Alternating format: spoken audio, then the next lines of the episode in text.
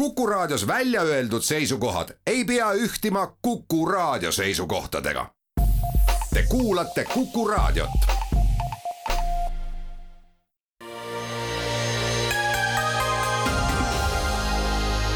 poliitikakuru. poliitikakuru tervist, alustame saatega ja täna võime küll tõdeda, et eh, valimiskampaania on eh, läinud väga suure hooga käima.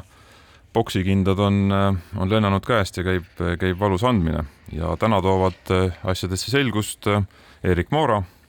tere päevast. Maris Helrand. tervist. ja Tõnis Leht ja räägime,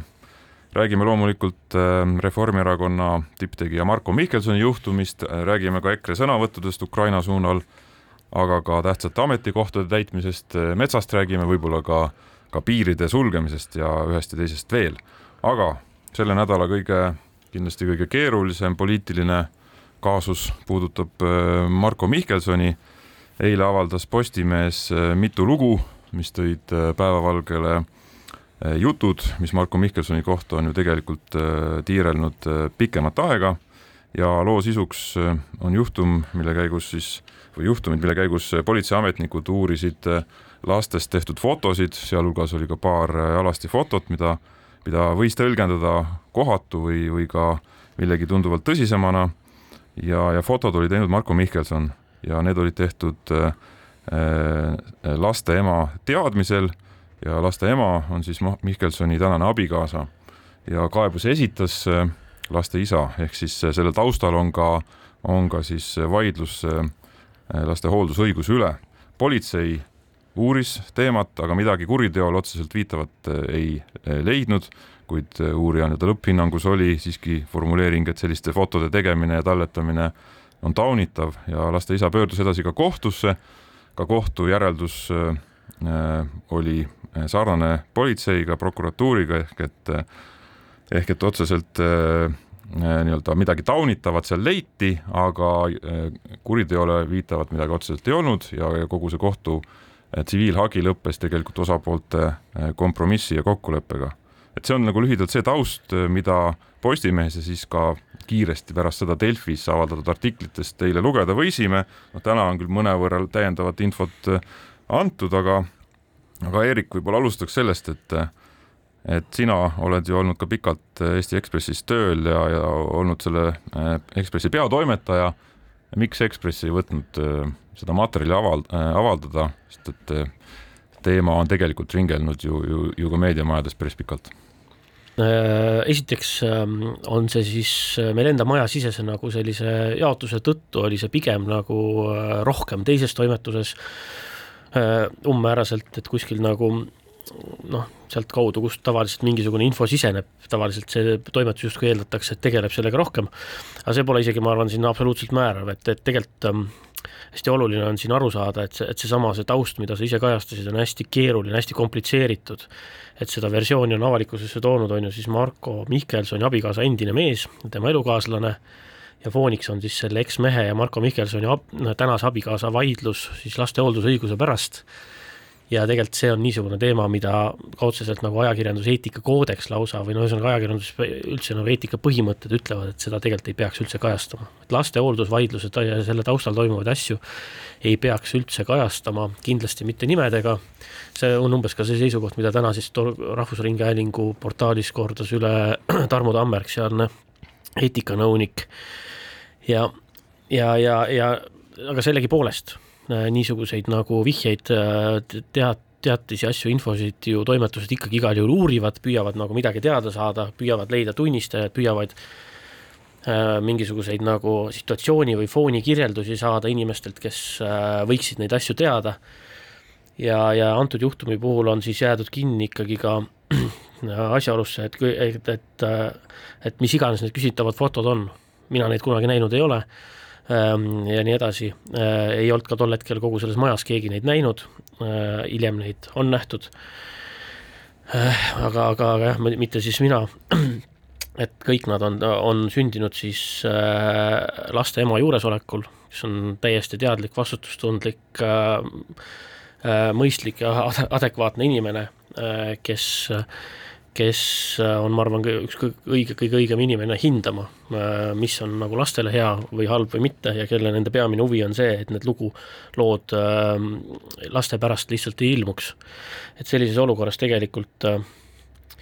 Äh, noh, see iseenesest ei ole, on ju loomulikult äh, ei välista midagi äh, selle nagu halvas mõttes tegelikult iseenesest, et, et need on toimunud ema teadmisel, osalusel ja nii edasi, me oleme kuulnud väga kohutavatest juhtumistest ja nii edasi, aga, aga sellegipoolest on see nagu seda alus, seda avaldada tunduvalt, tunduvalt väiksem. seda enam, et ka mingisuguseid teisi nagu ähm, tunnistajaid, kommenteerijaid peale teema siis selliste nagu esiletoojate või esilelükkajate, kelle puhul on seal selgelt arusaadav ka agenda Äh, ei ole, siis on, siis on, on see, on see palju keerulisem, jah. Äh, Maris, kuidas sulle tundub, et kas äh, praegu nii-öelda avaldatud info põhjalt on võimalik kõrvaltvaatajana, ütleme Mihkelsoni kaasusele või teole mingit sellist selget hinnangut anda? no ma arvan, et päriselt ei ole, et siin on päris mitu asja, mis mind nagu selle juures ehmatas, et kui ma seda pealkirja eile nägin, mu esimene reaktsioon oli, et no jälle tere tulemast, veel üks. ehk et ja see on väga normaalne reaktsioon paljudel inimestel, enamusel inimestel, kes seda nägid, kindlasti aitas ajalehte müüa, on ju Äh, siis Postimehe paberlehe lugeja sai selle loo täna omale postkasti ja see oligi kõik. ta, ta ei ole näinud mingisugust teist äh, äh, versiooni, teise poole versiooni, mistõttu mulle jääb arusaamatuks, miks Mihkelson ise tegelikult keeldus kommentaarist selle loo juures, kui ta ju alles vaid paar tundi hiljem selle äh, oma sotsiaalmeedias välja käis, et tema huvides oleks olnud, et see oleks olnud lugejal siis ka näha, kui ta teadis, et see lugu tuleb ise endise Postimehe peatoimetajana peaks äh, ju tundma seda, seda äh, meediat ja tema funktsioneerimist. aga äh, mis nüüd teades ka seda, et see lugu on vana ja tuttav meediamajades, siis kindlasti või no väga raske on äh, näha, et äh, sellel lekitajal poolel on siin äh, laste või lapse huvid kõige rohkem südamel, et kui sa ikkagi ise käid pakkumas sellist materjali meediale oma laste või lapse kohta, siis see ütleb sinu kohta esmapilgul küll nii mõndagi. ma ei oska sellele nagu mingit head põhjendust leida, et miks, miks mina näiteks teeksin sellist asja. ja no Postimehe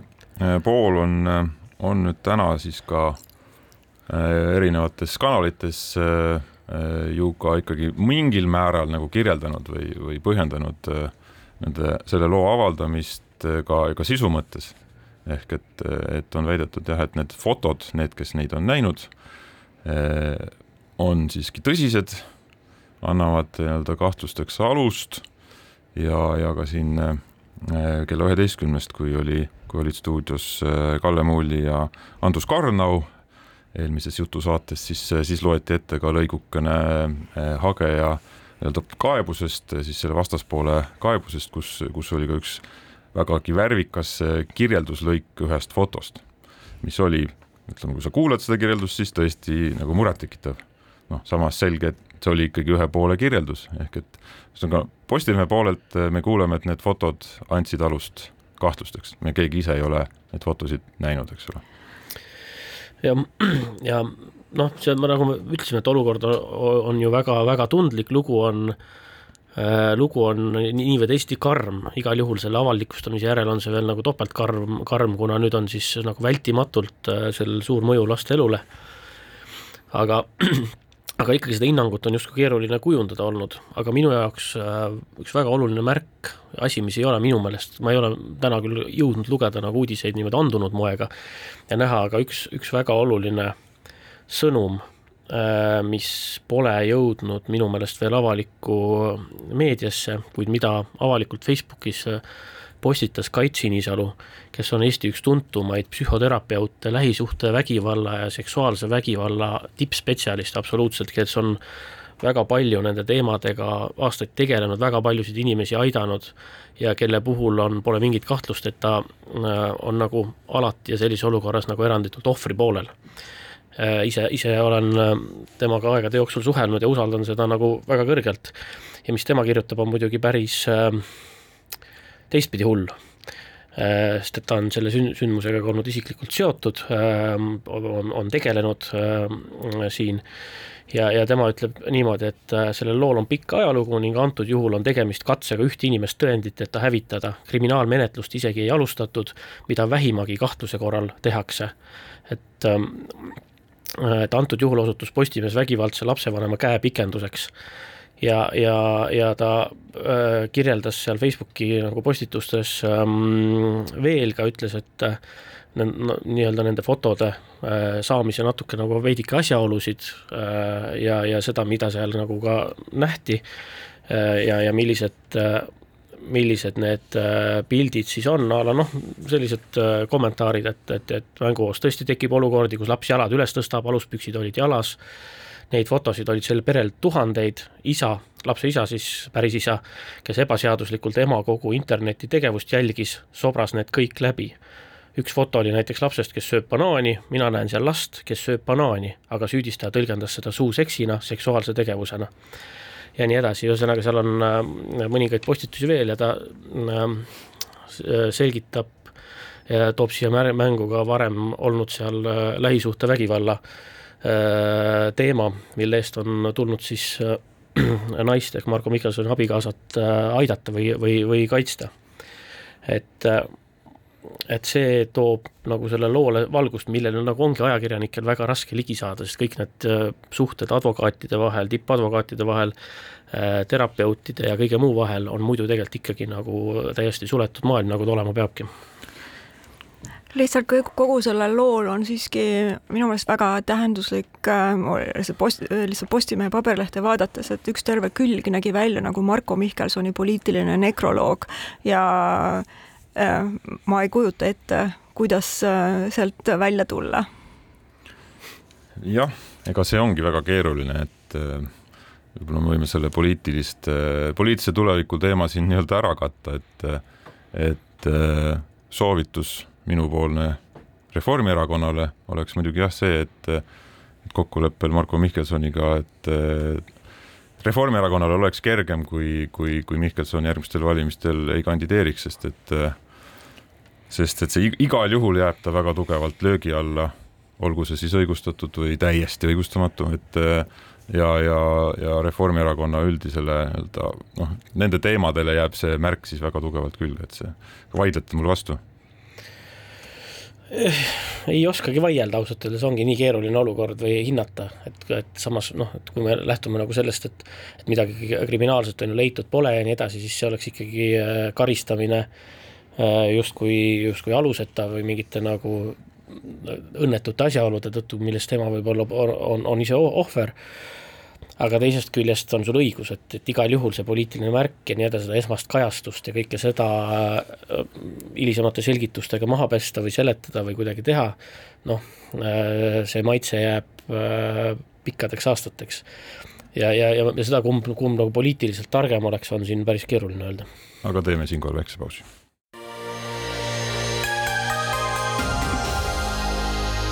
poliitikakuru. Poliitikakuru. jätkame saatega stuudios Maris Heldrand, Erik Moora ja Tõnis Leht ja nüüd anname välja nädala rahutuvi auhinna ja selle saab Mart Helme koos EKRE-ga. kolmapäeval ütles Mart Helme venekeelse ERR-i saates siis venekeelses intervjuus, et Venemaa vast-, Ukraina vastase sõja kohta nõnda, et meie seisukoht parimast väljapääsust on rahuleping, nii raske, kui see mõlemale osapoolele ka poleks, vähemalt inimesed ei hukku. Me ei ole Venemaa ega Ukraina poolt, me oleme rahu poolt. Äh, valimised lähenevad ilmselgelt ja jälle saame me üha tihedamini arutada, et mida üks või teine Helme on, on öelnud ja, ja see sõnum on saanud kõvasti kriitikat, sealhulgas ka äh, ikkagi ka EKRE äh, siis kaasliikmete, juhtliikmete poolt ja Mart Helme ise ja, ja teised EKRE juhtliikmed on, on siin ka eriti eilsel päeval üsna intensiivselt püüdnud äh, seda sõnumit siis äh, ütleme pehmemaks siluda või masseerida, et äh, kuidas teile tundub, et mis selle sõnumi eesmärk oli või ikkagi oli, kas tal oli sisuline tähendus ja eesmärk või, või, või, või lapsus? No sõnum on ju oma töö teinud ja oma sihtgrupile kohale jõudnud, seda, mida päev hiljem räägitakse, see sihtgrupp enam ei loe ega näe. ja mul oli küll niisugune väike déjà vu tunne, et ma olen hästi palju käinud Narvas alates sõja algusest ja sedasama Mõõsamir, seda ma kuulsin Narva jõe kallastel ikkagi korduvalt ja korduvalt ka seal tankimonumendi juures, et Mõõsamir, et mul ei olegi rohkem midagi öelda. Jah, jah, et äh, see peegel, peegeldab kahte asja. üks, mis neist on, äh, üks, mis neist on äh, tegelikult ilmselt hullem ja, ja rängem ja mis pälvis ka laialdase hukkamõistu teistelt peamiselt poliitikutelt, aga mitmelt poolt mujal veel, on see, et, et, et tegelikult Mart Helme rääkis tõtt ilmselt sel hetkel, et see tegelikult äh, nii või teisiti, vaata kuidas tahad, siis äh, siis äh, EKRE äh, juhtide äh, Mardi ja Martin Helme valdav osa sõnavõttudest, mis nad aja jooksul teevad või hoiakutest või sellistest ka esimestest reaktsioonidest ja asjadest, näitavad seda, et, et et nad ei ole Ukraina poolt või ukrainlaste abistamise poolt, olgu see siis relvaabi andmine, olgu see pagulaste aitamine, olgu see mm, mingite veel sammude ait-, tegemine, olgu see mm, ma ei tea, Venemaa terroristlikuks riigiks kuulutamise aktsioonid, asjad, siis nagu esimene reaktsioon on, on, ei ole Ukraina-poolne lihtsalt, et et, et kui see ja nad on ju ka rääkinud seda, et Eesti peaks hoidma madalat profiili, olema vait, et asi ei tuleks meile kraesse ja nii edasi. aga, aga selline nagu poliit tehnoloogiline selgitus on, on kas või midagi üllatavat ei ole, et see on ennegi EKRE-l tehtud äh, püüe, aga mida on tegelikult aastaid teinud Keskerakond, on see, et rääkida eesti keeles üht juttu ja vene keeles täiesti teist juttu. ja loota siis, et, äh, et see asi tüüt-, töötab, püütakse kinni, et seal vahe on selles, et keskil on olnud vene keeles täiesti teise jutu ajamiseks valdavalt teised kõneisikud, ehk siis teised inimesed, kes räägivad. Mm., aga kuna EKRE on äh, noh, selline nagu perefirma rohkem, siis, siis äh, seal needsamad inimesed peavad tegema selle töö ära ja rääkima siis äh, sedasama, et venelastele üht juttu ja, ja eestlastele teist juttu ja, ja, ja no vot, küsimus on, et kas see nüüd töötab, et igal juhul antud juhul tõi see oma erakonna seest tagasi jah, sellise reaktsiooni, et läks vabandamiseks, sõnade tagasivõtmiseks ja nii edasi, asjadeks, milleks nad ju tegelikult tuhandel või no ma ei tea, ütleme kümnetel varasematel skandaalides äh, on nagu põhimõtteliselt keeldunud, et ei, me ei vabanda, unustage ära, las Jüri Ratas vabandab. Äh, jah, see sõnavõtt ei olnud kindlasti mingisugune ootamatus või äh, uute või juhuslike mõtete välgatus, et ta on ikkagi olnud pikem, pikem, pikema suhtumise väljendus ja, ja ka eesmärgistatud sõnum äh, venekeelse valija suunal, kellele see kindlasti ongi paljudele kõnetav. kes on siis äh, venekeelsetest valijatest rohkem tõepoolest Putini-meelne või kes suurem mass ilmselt äh, lihtsalt noh, suhtub sellesse sõtta murelikult ja tahaks, et see lõpeks, et ja, ja see, mis hinnaga, noh, see on juba nagu selline selles mõttes sekundaarsem küsimus ja ja, ja mida see täpselt Ukrainale tähendab, et siis selle peale võib-olla nii palju ei mõelda ja nii selgelt Ukraina poolel ei olda, kui on, kui on eestlased. aga see ühtlasi võib ka töötada venekeelse valija suunal toetuse tõstmiseks, juhul kui nüüd sellega ikkagi ka natukene ka jätkata julgetakse et võib-olla nat-, hetkel võib see jääda selliseks natukene ühekordseks plurtsatuseks sinna suunal. aga pikema sõnumi saatmisel võib seda täiesti töötada ja noh, kui me vaatame neid reitinguid, siis, siis Keskerakond on oma venekeelset valijat nii-öelda kaotamas või rohkem lahti lasknud. Enda käes hoitakse ütleme kuskil viiskümmend protsenti nendest, kellel eelistus olemas on. ja, ja, ja ilma eelistuseta venekeelset valijat on, on palju ja sealt on võimalik teistel siiski korjata ja risk loomulikult on ilmselge, mida asuti eile siis ka EKRE juhtliikmete poolt äh, nii-öelda madalamaks masseerima, nähti, et see kahe sõnumi edastamine äh, erinevatele keelegruppidele ikkagi äh, tähendab ka riski, et eestlased võivad hakata EKRE tagant ära langema, juhul kui see nii-öelda sõnum jääb piisavalt kestma. ehk et see risk on ka täiesti olemas, et kui EKRE jätkab sellist kahe sõnumi poliitikat, siis ma julgeks küll ennustada, et see EKRE nii-öelda toetuse tõus reitingutes, et sinna tuleb lagi ette, eestlaste hulgas. ja jah, et just sellises nagu parem, parem konservatiivses sotsiaalmeedia kõlakodades oli, käis ka igal juhul laine läbi ja kahin ja hukkamõist ja sihuke noh, et mis pagan see nüüd oli, noh, seda tüüpi nagu äh, reaktsioon igal juhul seal töötas jah, et, et see tähendab seda, et et see kahe, ühe suuga kahe jutu rääkimine ei pruugi ikkagi lõpuni välja kanda. aga noh, samas seal, seal kõlakodades selline Ukraina aitamine ja ukrainlaste aitamine Eestis on, on ka üsnagi ikkagi ebapopulaarne, nii et sealt otsast ta võib jällegi seda, seda kriitikat leevendada, aga see, et see Keskerakonna traditsioonilisi valijaid Äh, võiks aktiveerida või motiveerida EKRE poolt hääletama, seda ma usun küll, et meil on äh, siin ju just olid Läti valimised, kus Läti Keskerakond sisuliselt, no Keskerakonna vaste Lätis jäi alla künnise, et äh, täpselt sama, samadel põhjustel, et selline äh, et, et need äh, vene, Läti venelaste hääled pudenesid laiali seal erinevate paremäärmuslike ja oligarhide väikeste parteide vahel ja siis selle radikaalse, radikaalse uue Vene partei jah, et Läti koosmeel, kellest sa siis mm. räägid, et noh, nende sõnumid muutusid ka ikkagi lõpuotsas nagu võib-olla liiga Euroopa-meelseks ja äh, vaktsiiniteemadel ei taotud äh, jaburat trummi ja ja, ja ka Ukraina teemadel jäädi Euroopa-meelseks ehk ja tulemuseks oli siis see, et nemad jäid künnis alla. et eks see muidugi paneb nagu Keskerakonda muretsema, teisest küljest on Keskerakond jäänud väga ettevaatlikuks äh, venekeelse valija nagu jõulisema tagasimeelitamise osas ja noh, nagu võib, näitab võib-olla ka EKRE EKRE-le osaks saanud kriitikatulv, et siis see ongi üks riskantne valdkond, et kui minna nagu väga tugevalt kritiseerima näiteks eestikeelsele haridusele ülemineku teemat või, või ka Ukraina äh, põgenike aitamist või, või nende või, või ka punamonumente minna ka, jõulisemalt kaitsma, et see, see ei jää märkamata ka eestikeelse valija ja loomulikult teiste erakondade silmis. No kindlasti mitte jah, ja oma venekeelsele valijale tegelikult kõige tugevam sõnum anti ikkagi Mihhail Stalnuhhini väljaviskamisega. absoluutselt, teeme siinkohal väikse pausi.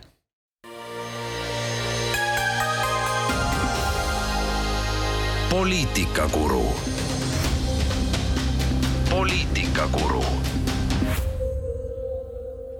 oleme eetris tagasi stuudios Maris Heldrand, Eerik Moora ja Tõnis Leht ja jätkame, jätkame siis nüüd Reformierakonna probleemidega.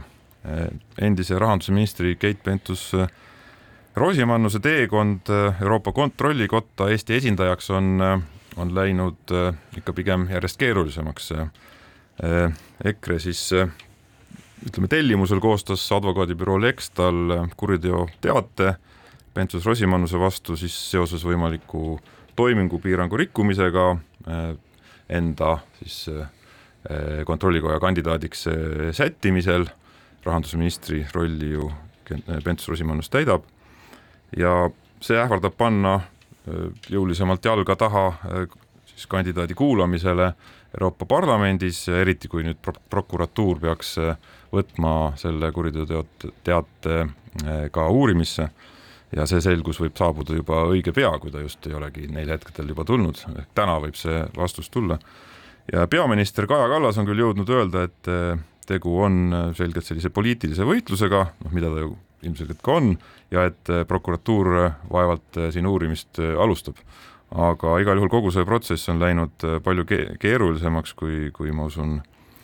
selle algatajad Reformierakonnas arvasid ja kuidas teile tundub, et olles nüüd siia punkti jõudnud, et kas Pentus-Rosimannuse kandidaadiks seadmine oli see üks tark mõte või ikkagi viga? ma alustaksin sellest, et et esiteks on, on see, on see päris selline suur näitemäng, mis meie ees praegu lahti mängitakse, kahelt poolt, ma arvan, on see näitemäng, et esiteks arvan ma, et loomulikult teadsid kõik koalitsiooni kõneluste ajal ja seda kokku leppides, et see koht jääb Reformierakonnale, kui seda kokku lepiti, samuti ka seda, et see on Keit Pentus-Rosimannus, et seal ei olnud mingit üllatust, sellest oli ähm,, oli juba olnud juttu äh, eelmise valitsuse ajal äh, ja, ja, ja teadis seda ka Isamaa ja sellepärast ka seda hääletusvarianti äh, sooviti just selleks, et, et noh, et nad nagu avalikult ei peaks siis Juhan Partsi vastu justkui äh, toetama Keit Pentus-Rosimannust teine mälu, selline äh, näitemängu aspekt on siin see, et siis noh, et näitemängu teeb ka loomulikult Keit Pentus-Rosimannus ise. Ja Reformierakond nüüd ka püüdes jätta muljet justkui, et noh, et kandidaadi nimi ei tulnudki enne ega kuskilt mujalt, kui viimasel hetkel Kaja Kallas pani selle ette seal valitsuses või kuidagi või Urmas Kruuse pani selle ette ja nii edasi, et enne seda justkui polnud selge, keda ka kandidaadina esitatakse siis ma arvan, et see jutt ka ikkagi noh, selles kontekstis ei päde olukorras, kus kõik olid sellest varem, varem rääkinud, ehk siis äh, mõlemad siin erinevatel põhjustel etendavad, äh, mõlemad pooled siis e-, etendavad äh, sellist poliitilist teatrit mingis mõttes. huvitaval kombel nad siis koos väidavad sama asja, et nad ei teadnud sellest midagi, aga erinevatel põhjustel. et, et nii ta naljakas on, jah kui, kui nagu sisuliselt seda vaadata, no siis äh, on, on paraku nii, et äh, elu näidanud igas vabariigis, aga Eesti Vabariigis ka, ka, et ikkagi nagu väga hea advokaadiga saad sa igalt poolt äh, päris nagu enam-vähem igasuguseid argumente väga nagu veenvalt ja tugevalt üles ehitada, kuigi iseenesest see toimingu mm, piirangu rikkumine tundub just sellise koalits-, sellise nagu juriidilise konstruktsioonina, sest et kui me mõtleme, et kes esitas kes tegi või kes esitas ähm, selle Keit Pentus-Rosimannuse kandidaadiks, siis äh, kandidaadiks esitas ta ikkagi Vabariigi Valitsus, sest Keit, teda ei nimetatud ju selleks äh, ametisse, ametisse hakkab, nimetamine toimub Euroopa tasandil, äh, aga ta nimetati siis kandidaadiks alles valitsuse tasandil, valitsus tegi selle, selle seal ta, selle otsuse tegemisel ta ise ei osalenud, valitsus oleks võinud otsustada teistmoodi ja, ja nii edasi et, et selles kontekstis nagu see oluline või keskne toiming on, on selgelt see, mis on, ma arvan, tehtud korrektselt. aga nüüd on see, et selle jaota, jaotamine seda jah. nüüd jah, selle kogu selle nagu keskse toimingule leida veel hunnikut nagu ettevalmistavaid toiminguid, siis äh, noh, on küsimus, et millist tähtsust või kaalu sellele omistada, et, et faktiliselt äh, on selge, et osades neist on Keit Pentus-Rosimannus osalenud nojah, aga siin ongi see, et äh, need juriidilised nüansid on nii keerulised ja kui tippadvokaat siin midagi üles ehitab, siis nagu avalikkus ja valija kindlasti ei äh, suuda sellesse süveneda ja adekvaatselt seda kuidagi hinnata, et, et avalikkuse jaoks ruulib ikka retoorika siin mõlemalt poolt ja võib-olla ongi natukene nüüd äh, Kaja Kallas kimbatuses, et äh, nagu selliste juriidiliste nõksudega tullakse juba mitmendat korda nende vastu, et see, selle poliitilise mudamaadlusega nad on hästi ära harjunud ja selle, sellega tulevad hästi toime ja no kui keegi Eesti poliitikas on kõigist tulest, veest ja vasktorudest läbi käinud, siis see on Keit Pentus-Rosimannus. aga selline äh, juriidiliste nõksudega ründamine on äh, võib-olla niisugune uus olukord jah, noh, see on nüüd tagantjärele tarkus mm., mis äh, iseenesest äh, oli ettenähtav küllalt kaugelt, et, äh, et äh, ametikoha täitmine või kandidaadi esitamine äh, siis rahandusministri poolt, kui, kui kandidaadiks on rahandusminister ise, lisaks siis sellele ikkagi ka Keit Pentus-Rosimannuse ju noh, see poliitiline äh, ajalugu, kõik äh, Autorollo kaasus, mida konkurendid kuidagi ei lase unustada, ehk et siis sellesse kõigesse ju risk oli sisse ehitatud, et ja sellega siis oleks võinud ka ju arvestada või noh, äkki oleks võinud siiski esitada mõne teise kandidaadi rahandusministri siis kaudu ja Rahandusministeeriumi kaudu, kui rahandus, istuv rahandusminister või nii-öelda just selle pro-, ettevalmistusprotsessi käigus vähemalt on rahandusminister. et, et riskid olid seal sees ei loomulikult olid riskid ja noh, see näitabki seda olukorda, kus me nüüd praegu oleme ja kus me valimisteni edasi kütame, on see, et, et mingid ühesõnaga, erakonnad omavahel on valmis, kui kuskil avaneb võimalus mõnda kõri lõigata, siis mm. seda ka lõigatakse, nii edasi, vaatamata sellele, et varasem kokkulepe võib-olla on teistsugune, selles mõttes ma arvan, et kindlasti Reformierakonnale ja Kaja Kallasele on tulnud äh, siiski nagu ootamatult ähm,, mitte see, et, et, et need autorollosid meenutatakse ja et, et see mingisugune nagu pahameel kuskil äh, tõuseb, aga tegelikult sellest pahameele nagu seda, et seda tugevalt eetris hoida ja et, ähm, et, ähm, et need, need inimesed äh, avaldasid, noh, seda teemat vedas ja hoidis nagu teravalt üleval ju äh, Rahvusringhääling Äh, algusest peale, tükk aega ei võtnud äh, teised väljaanded nagu vedu, äh, siis Postimees tuli mingi hetk järele ja, ja kui see edasi läks, EKRE oli üldse täitsa vait tükk aega, ei tegelenud sellega märkimisväärselt, siis vaat see mm, esialgne impulss ja need Rahvusringhäälingus ilmunud igasugused lood, kus seal Allar Jõks avaldas ja Jaan Kinter ja nii edasi, paljud et ega need lood ei sündinud sellest, et need inimesed tahtsid ise avaldada. Need lood sündisid sellest, et, et, et need siis telliti, paluti kirjutada, juhiti tähelepanu ja nii edasi, ja see kõik lähtus pigem Isamaast kes te teadis, et see juhtub aga no antud juhul jääb meil oodata prokuratuuri, esimese sammuna prokuratuuri siis otsust ja neid usaldada ja siinkohal teeme väikse pausi.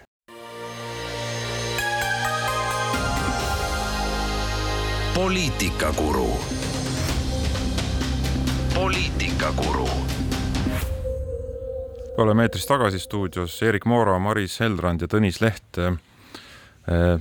vaatame nüüd ringi, mis on toimumas valitsuskoalitsioonis valimised ilmselgelt lähenevad sama, sel ajal, kui Reformierakond äh, vastandub jõuliselt äh, EKRE-le, kõik kohad on täis äh, peaminister Kaja Kallase plakateid ja jooksevad klipid siin ja seal, siis soovivad siiski ka väiksemad partnerid silma paista koalitsioonis ehk siis sotsid ja Isamaa ja oma algatustega esile tõusta ja sotside üks võib-olla silmapaistmise selliseid tugevamaid algatusi viimasest nädalast pooleteisest on on pärit keskkonnaminister Madis Kallase laualt ja, ja selle eh, sisuks on siis eelmisel väl, nädalal välja käidud ettepanek eh, valitsusele eh, vähendada RMK raiemahte kümne protsendi jagu.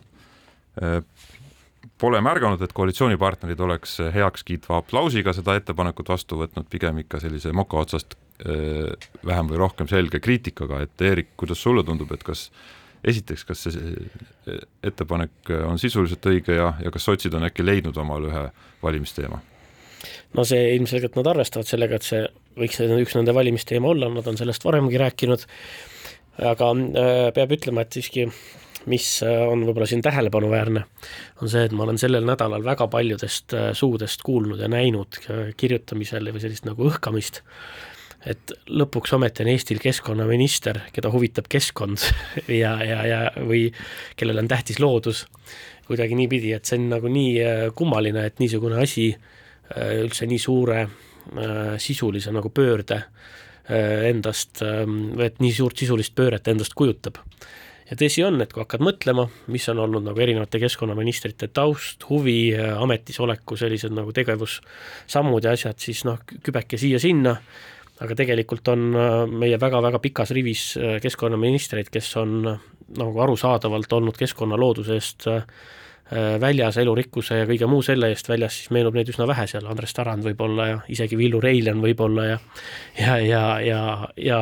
ma ei teagi, noh, et kas keegi veel, võib-olla, võib-olla seesama Keit Pentus-Rosimannus, kellest me enne rääkisime. Jah, no need vahetult eelnevad ministrid on olnud küll pigem nagu teist rauda taguvad enamjaolt, aga Maris, et sina ise esindad sotse Tallinna volikogus, et eh, kas Madis Kallase selline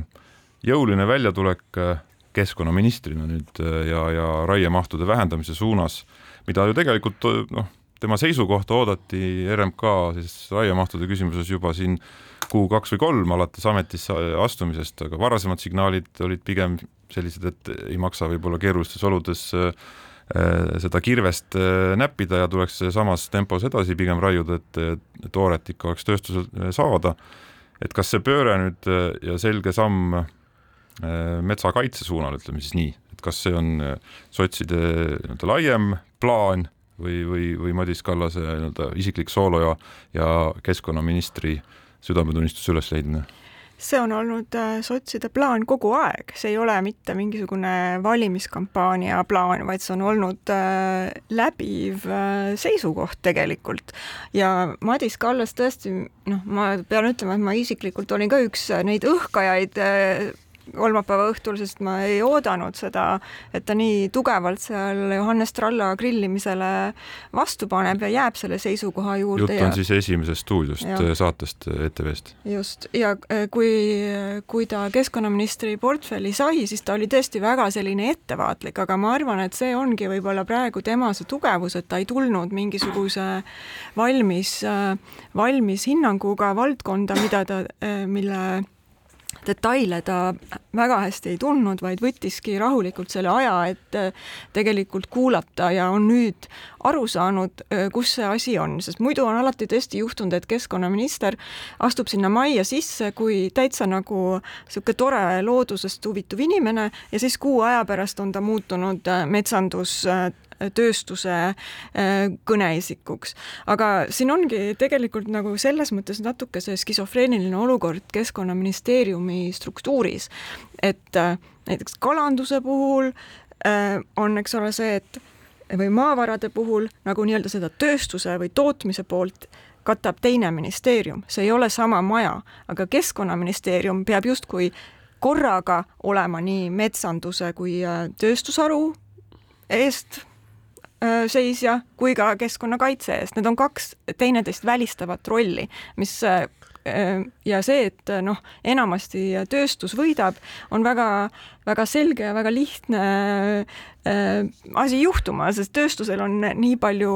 rohkem äh, raha panustada lobitöösse, panustada äh, ilusatesse selgetesse sõnumitesse ja presentatsioonidesse, annetustesse ja nii edasi. et äh, see on, see on nii lihtsalt, et äh, minu meelest on nagu äh, äh väga õige võttagi selge seisukoht ja mitte rääkida mingisugusest umbmäärasest tasakaalu otsimisest, sest me peame mõtlema pikema vinnaga. Ja ma arvan, et tööstus lõpuks äh, tuleb, tuleb ka sellega kaasa, et mis neid aitaks, oleks ju see, et oleks mingi äh, pikaajaline stabiilsus, võimalik teha plaane, kui lepitakse kokku, et äh, Äh, viie aasta peale on raiemahud nii ja nii, siis, siis ettevõtted saavad teha oma plaane vastavalt sellele, mitte nii, et iga, iga aasta selle üle jälle vaieldakse ja saetakse sa, sa, saagimõnad on harjunud jah äh, aga äh, kui me siin arutame ka selle asja poliitilise sellise võimaliku mõju üle või poliitilise sellise positsiooni valiku sellise just nagu valimise mõttes äh, tähtsuse üle, siis tegelikult potentsiaal on siin päris tugev. et küll ei ole Eestis väga palju neid inimesi, kes, äh, kes metsateemasid nagu kõige olulisemaks peaks või kõige tähtsamaks, äh, kelle jaoks oleks see seal nagu sellise teemade kaalukuse pingereas päris tipus. aga tegelikult uuring uuringu järel, mis on tehtud mis ei ole tehtud Eesti Metsa- ja Puidutööstuse Liidu poolt, sest need uuringud näitavad alati midagi muud, aga need uuringud, mis on tehtud nagu üldiselt äh, ja mida võib hinnata sõltumatuteks, äh, näitavad tegelikult seda, et, et äh, väga ülekaalukas osa Eesti inimestest peab, tunneb muret metsa pärast, peab raiet liiga suureks. Äh, soovib, et seda majandatakse säästlikumalt, soovivad, et loodus jätaks, et looduses oleks ruumi ka liigirikkusele, elurikkusele, kõigele muule. et siinsamas need Salga uuringud ehk siis sihtasutus Liberaalne Kodanik uuringud näitavad ligi kaheksakümmend protsenti inimesi stabiilselt ütleb, et raiemahtu tuleks vähendada. sellel nädalal Tallinna Ülikool ja Turu-uuringute Aktsiaselts esitasid suurt uuringut eestlaste keskkonnahoiakutest, mida iga teatud aastate järel tehakse just ja seal Äh, ka üle seitsmekümne protsendi ütles, et nad sooviksid, et elada ja, ja tegutseda keskkonda hoidvamalt. Äh, mõned aastad tagasi, siis vahetult enne koroonat esitleti ja sai valmis äh, selline mm, uuring Eesti metsaomanike seas, kes ise on metsaomanik, et millised nad on, millised nende vaated on. Ja nii edasi, siis sealt tuli välja näiteks, et, ähm, et pea üheksakümmend viis protsenti metsaomanikest on valmis pidama seda raierahu, kuigi sellest on saanud, on ju selline suur poliitilise võitluse teema vabata-, et nad on vabatahtlikult valmis kevadel pesitsuse ajal mitte raiuma, äh, kaks kolmandikku äh, neist on valm-, on loodushoiu nimel valmis oma metsadest teatud osa täiesti majandamisest välja jätma ja nii edasi, et see oli ka, ka, ka, ka nende seas oli ülekaalukas tegelikult see looduse, loo-, elurikkuse ja kõige selle väärtustamine. vot ja selles kontekstis või sellel nagu foonil on tegelikult avalik meediaruum olnud ikkagi tegelikult ütleme, et ei ole teeninud ei oma lugejate ega, ega ka Äh, Eesti laiema avalikkuse äh, ega ka Eesti looduse huve, kui on jäetud siin mulje, võetud liiga sel-, sel-, lihtsalt sisse neid nii-öelda mustalt äh, mängiva või musta PR-i tegeva, tegeva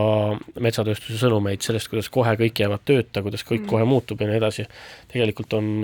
on aastaid Eesti metsandust optimeeritud, inimesi on jäänud tööta ka sellel ajal, kui raiemahud on kasvanud ja nii edasi, et need seosed ei ole üldse nii lineaarsed, kui neid esitatakse. ja igal juhul, isegi kui need seosed oleksid üsna lineaarsed, siis äh, puhtpoliitiliselt vaadates äh, on erakondade jaoks nagu see valimishäälte kapital ikkagi tunduvalt suurem äh, nende valdava enamiku inimeste hulgas, kes, kes need keskkonnateemadel on tundlikud, ka raiemahtude vähendamist pooldavad, versus siis need mõned tuhanded inimesed, kes otseselt võiksid ütleme siis metsatööstuse kokkutõmbamise tõttu või raiemahtude vähendamise tõttu oma töö kaotada, et need puhtpoliitilised kaalud valijate masside osas on väga erinevad. tõsi, siin tuleb küll märkida jah, et, et metsateema, võib-olla ka keskkonnateema, kliimateemad ei ole nagu number üks ega kaks inimeste jaoks et need on ikkagi julgeolek, need on praegu äh, toimetulek, äh, hinnatõusud, energeetika. et äh, seetõttu nad ei ole, nad, nad, nad nõuavad nii-öelda ka surumist ja, ja ja sotsidele, kui, kui vaadata nende positsioonist, siis on üsna kasulik, kui nemad saaksid seda teemat esindada üsnagi üksi ja mis paistabki praegu ka koalitsioonis nii minevat, et, et nad siis jääb vaid nende huvidest lähtuvalt soovida, et nad jõuliselt seda teeksid ja silma paistaksid sellega no ja nii julgeoleku kui energia mõttes või toimetuleku mõttes äh, metsa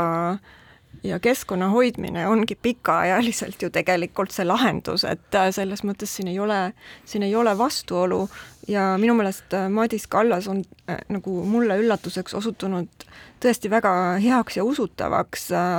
eestkõnelejaks siin, et sest ta on pärit Saaremaalt, ta räägib ta, äh, asjadest, selle, nendest mõjudest, mida ta tunneb ja teab, et kui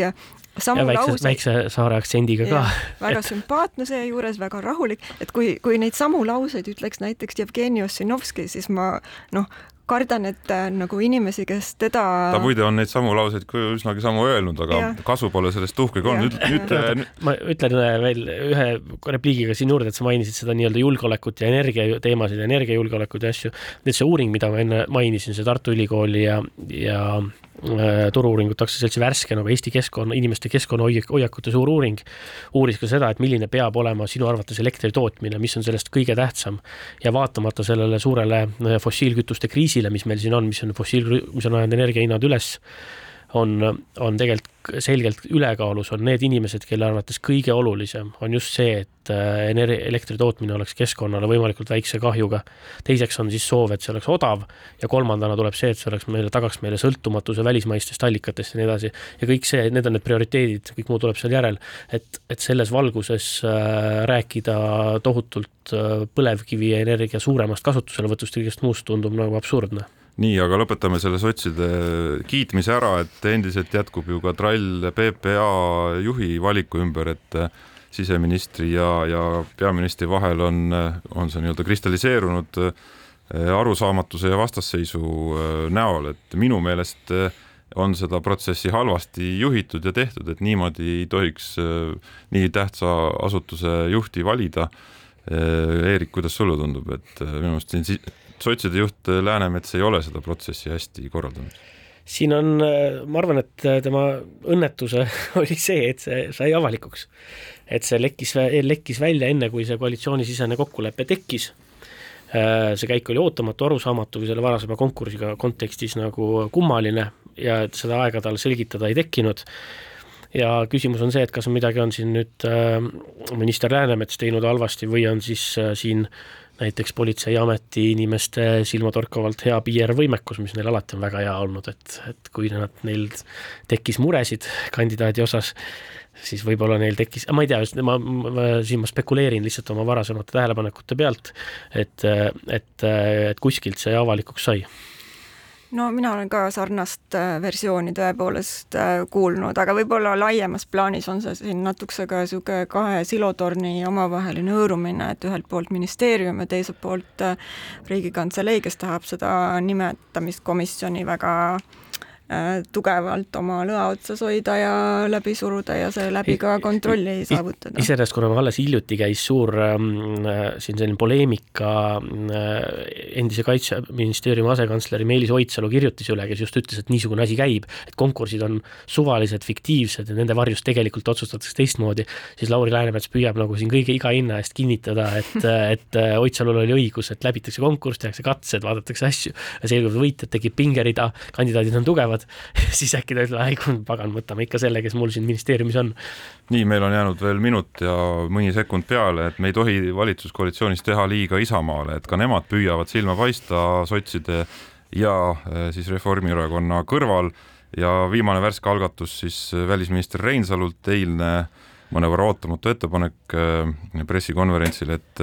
Eesti peaks sulgema siis või piirikontrolli taastama meie Schengeni piiridel, et põgenike teema saada paremini kontrolli alla, et saada ikkagi aru, kui palju meil siin neid põgenikke on ja, ja üleüldse võtta asi parema kontrolli alla, et Eerik, kümme sekundit selle hindamiseks. Las hindavad äh, spetsialistid, kes on öelnud, et, ähm, et, äh, et see ettepanek on absurdne või vähemalt äh, nagu tugevalt enneaegne ja ta kindlasti mingit, mingit lisaväärtust ei too, sest politsei ja piirivalve ei ole mingisuguseid põgenikega kaasnevaid ohtusid tuvastanud, mingit probleemi ei ole, mida sellega lahendada, küll aga tekitame sellega umbusaldust enda ja enda liitlaste ja naabrite vahel, täiesti mittevajalik, aga piiride sulgemine ongi Reinsalu selline lemmik asi ju minu meelest oli see, oli ta ka Covidi ajal esimene ja kõige ägedam piiride sulgeja. aga, aga jällegi mõtlema selle vajaduse peale peaks äh,, juhul kui hakatakse mm, laiendama taas äh, hübriidsõja rindeid no see tähendaks, et äh, idapiirilt tuuakse sada inimest ära, kas me jätame täna idapiiri unarusse selleks, et kaitsta enda ja Läti vahelist piiri, absurd. igal juhul valimised tulevad ja valitsuses häid ettepanekuid ja huvitavaid äh, algatusi tuleb kindlasti veel. olge tublid, terved, kuuleme nädala pärast. poliitikakuru poliitikakuru